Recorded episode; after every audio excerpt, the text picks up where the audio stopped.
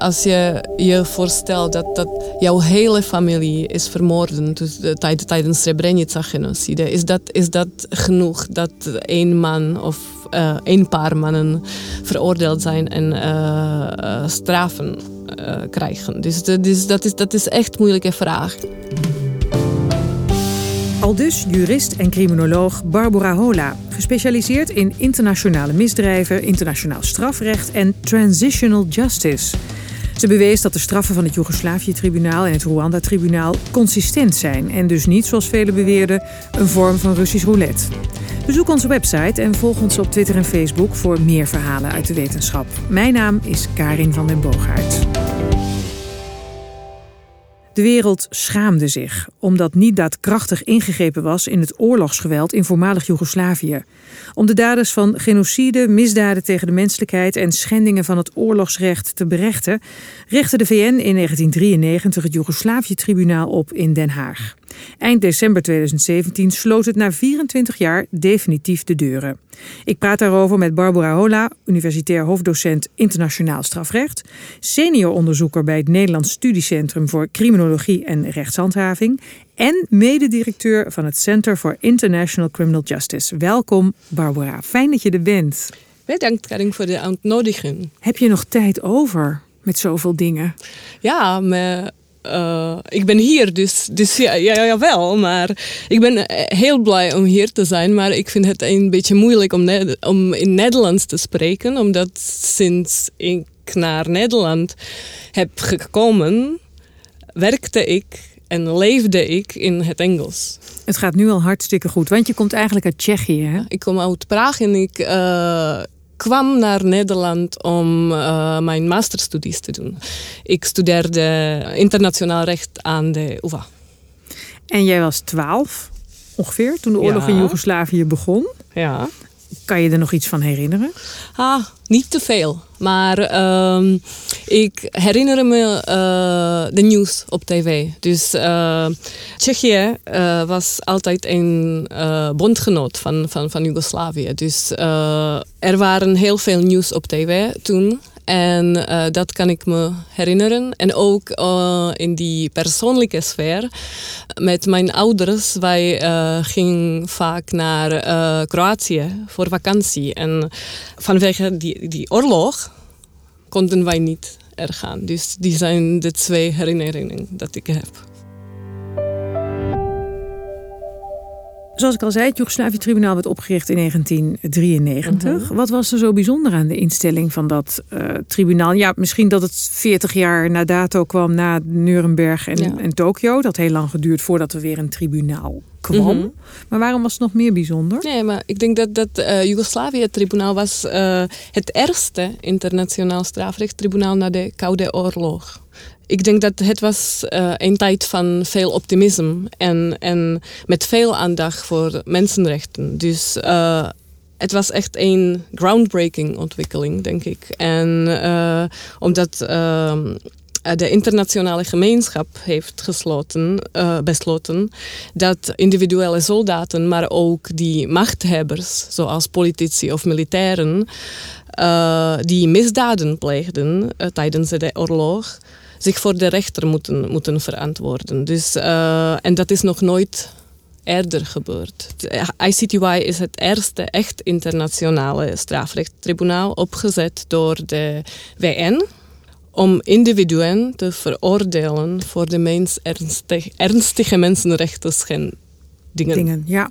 En zeg jij dan eigenlijk als het nog Koude Oorlog was geweest, was dat niet gebeurd? Had dat niet gekund? Ja, omdat, omdat uh, tijdens het Koude Oorlog waren er uh, twee kampen. En, en die waren, ja, er was geen, geen uh, wil om te, iets samen te doen, denk ik. En daarna kon het wel. Ja, ja, precies. Dus, en in het bijzonder in de jaren 1990. Het was echt iets nieuw.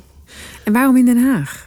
Den Haag was gekozen omdat uh, toen ook andere belangrijke internationale uh, rechtbanken er zaten. Dus International Court of Justice of uh, International Court of Arbitration waren al er. En Nederland ook, denk ik, graag gastland wilde zijn voor dit tribunaal. Dus er was al een ervaring met internationale instituten.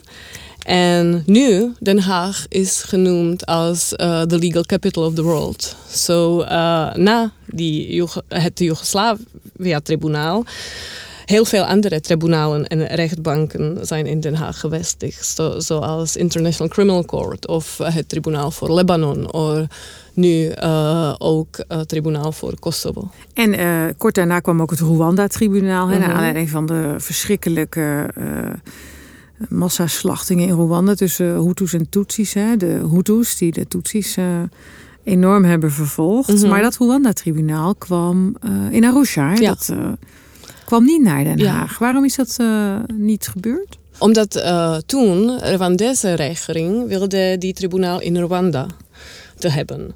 Maar dat vond die internationale gemeenschap niet handig. Voor verschillende redenen.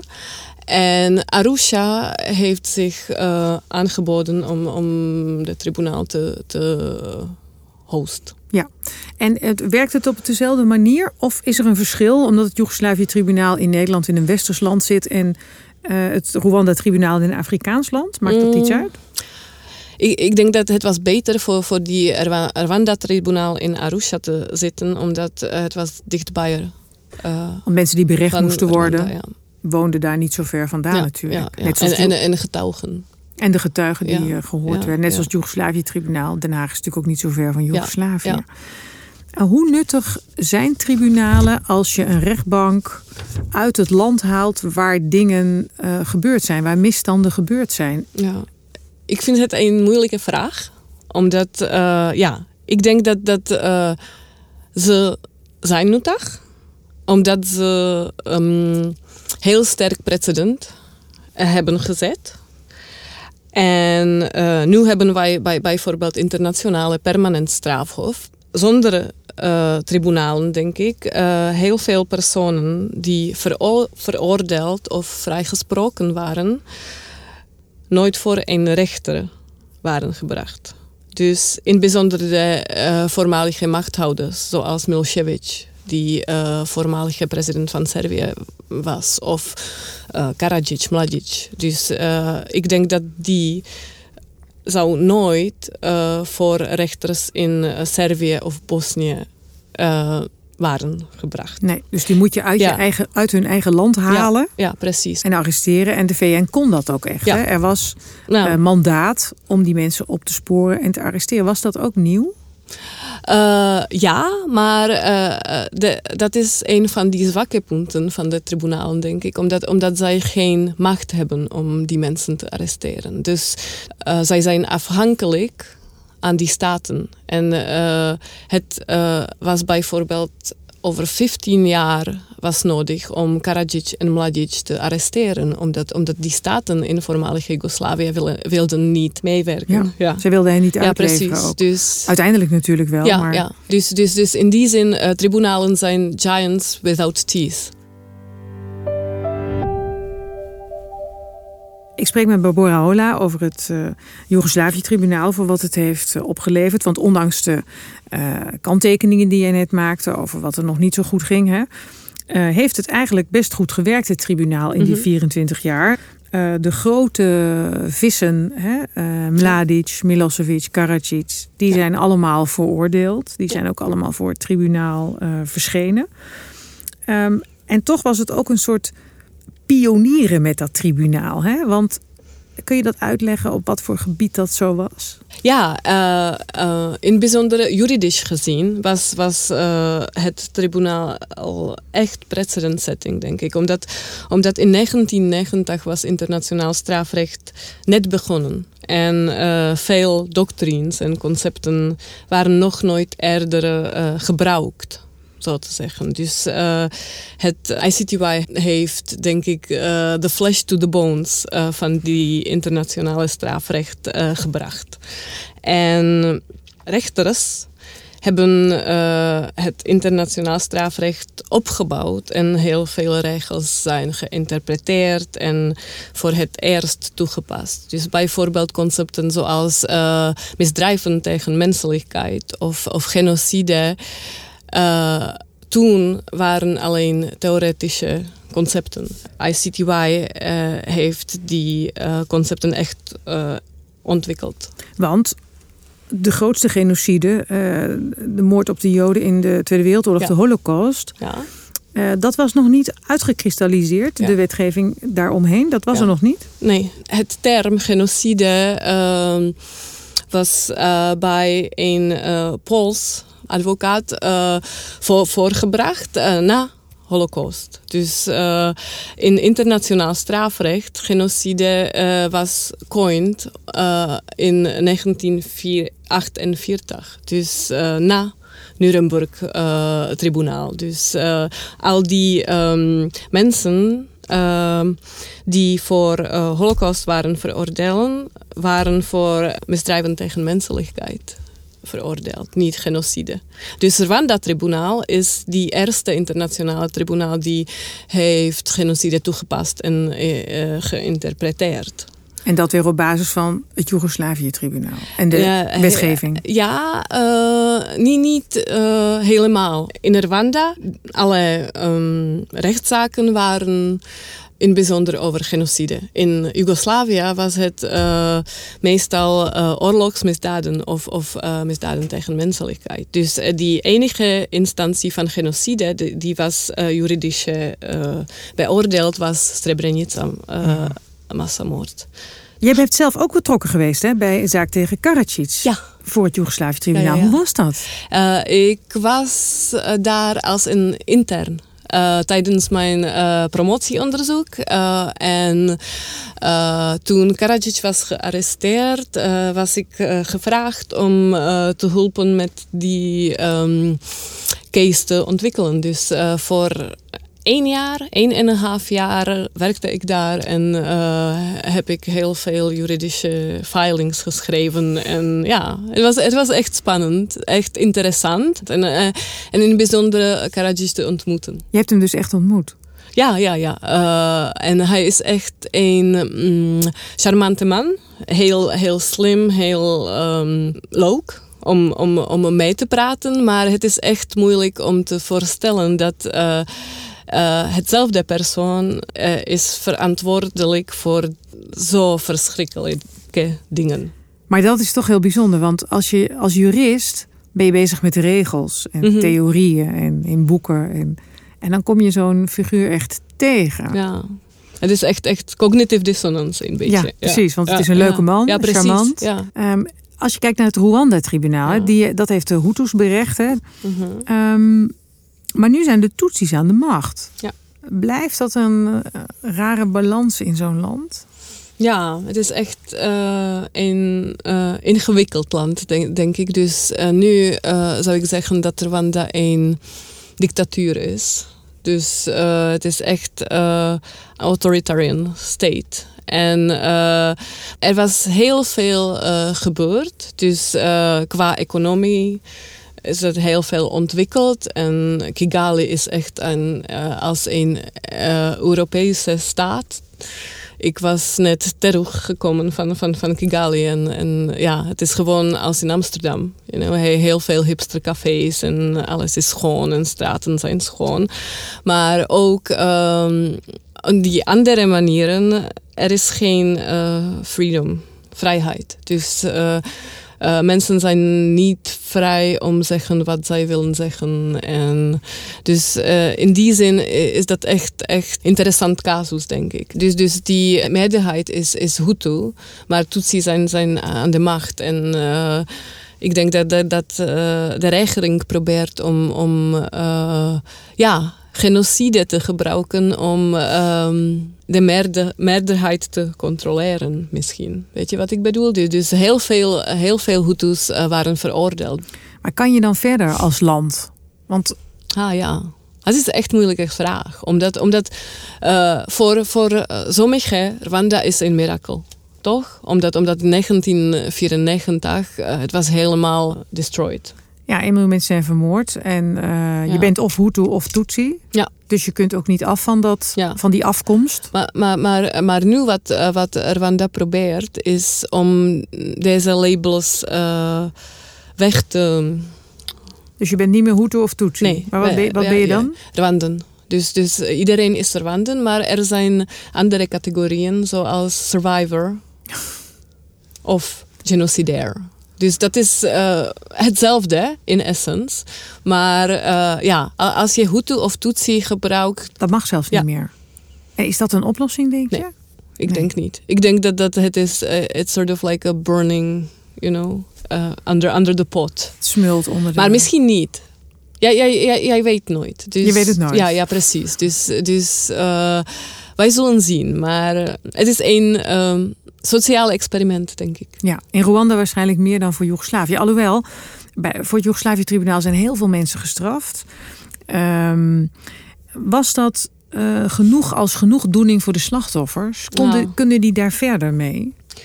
Ik zou nee zeggen, denk ik. Omdat, omdat, het is echt, echt moeilijk eh, om eh, genoeg doen. Als, je, als je je voorstelt dat, dat jouw hele familie is vermoord dus, eh, tijd- tijdens Srebrenica-genocide, is dat, is dat genoeg dat één man of eh één paar mannen veroordeeld zijn en eh, eh, straffen krijgen? Dus, de- dus dat, is, dat is echt een moeilijke vraag. En ik denk dat, dat ehm, misschien is er niks nooit genoeg. Ja, eh, na, na, na, deze type van, van geweld.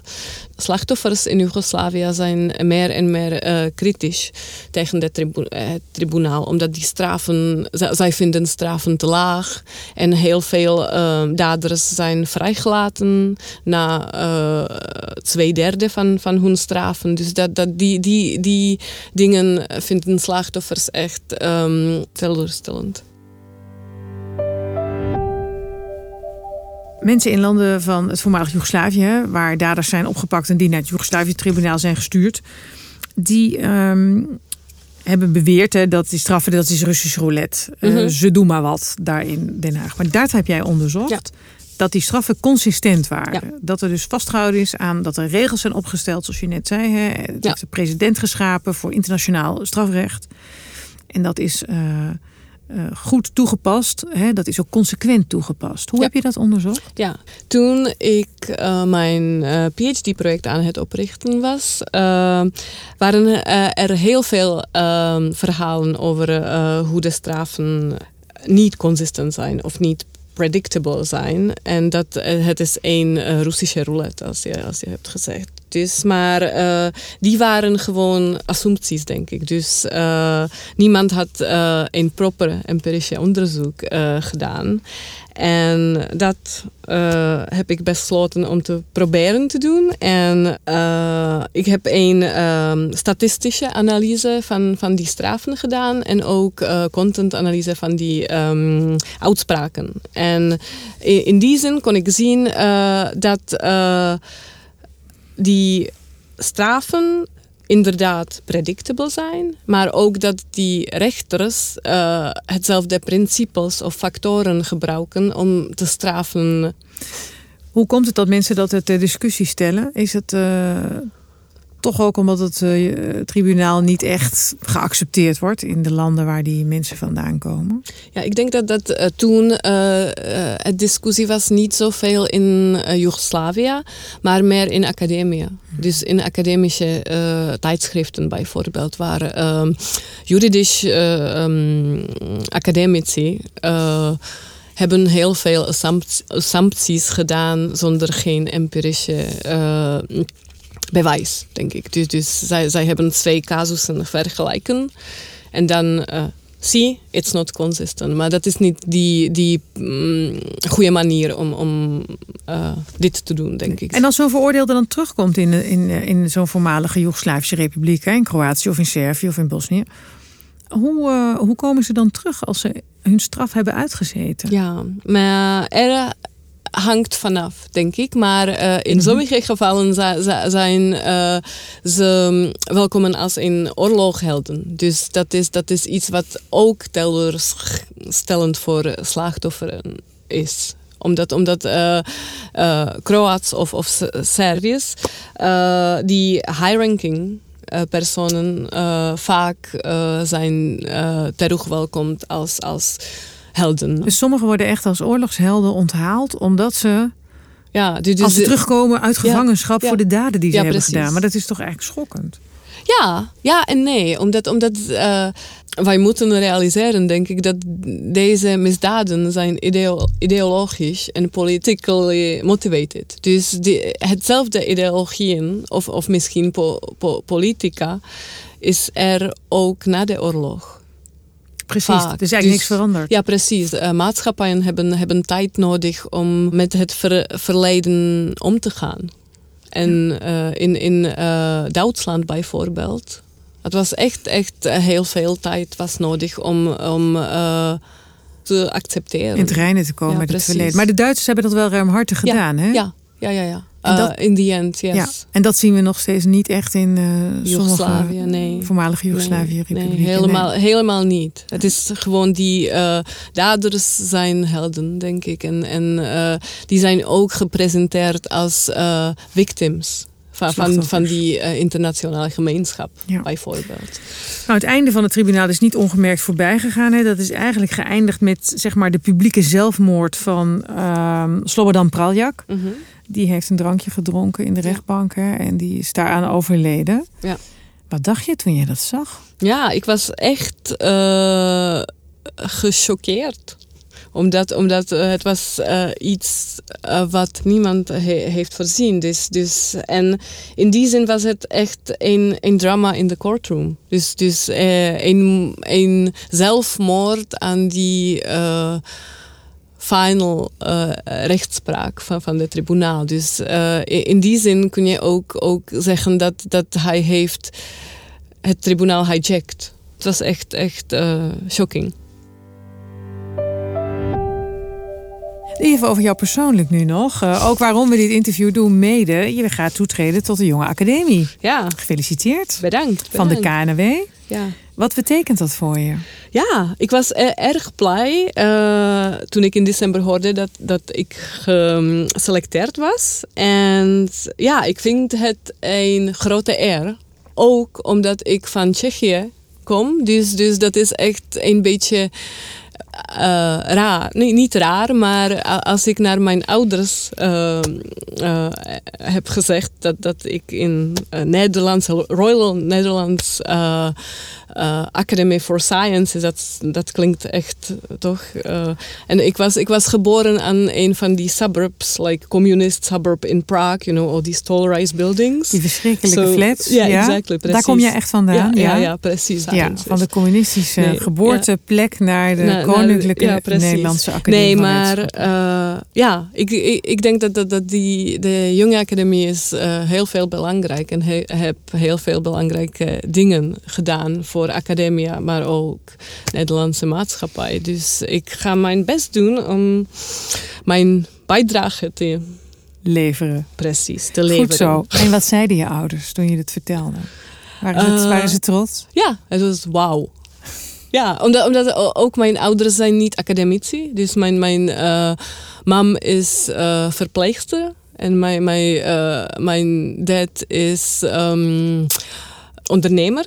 Mhm. Dus iets helemaal verschillend. Dus ja, het klinkt echt goed, toch? Ze mogen trots zijn op je. Ja, ja. Dankjewel Barbara Hola voor dit uh, interessante gesprek. Vergeet je niet te abonneren op onze podcast, zeg ik tegen de luisteraars. We zijn te vinden in onder meer iTunes, de podcast-app, Stitcher en Soundcloud. Laat daar ook een recensie achter. Dat helpt ons om hoog in de iTunes-rankings te komen. En wil je reageren op wat je hebt gehoord in deze podcast? Dat kan via Facebook en Twitter. Dank voor het luisteren.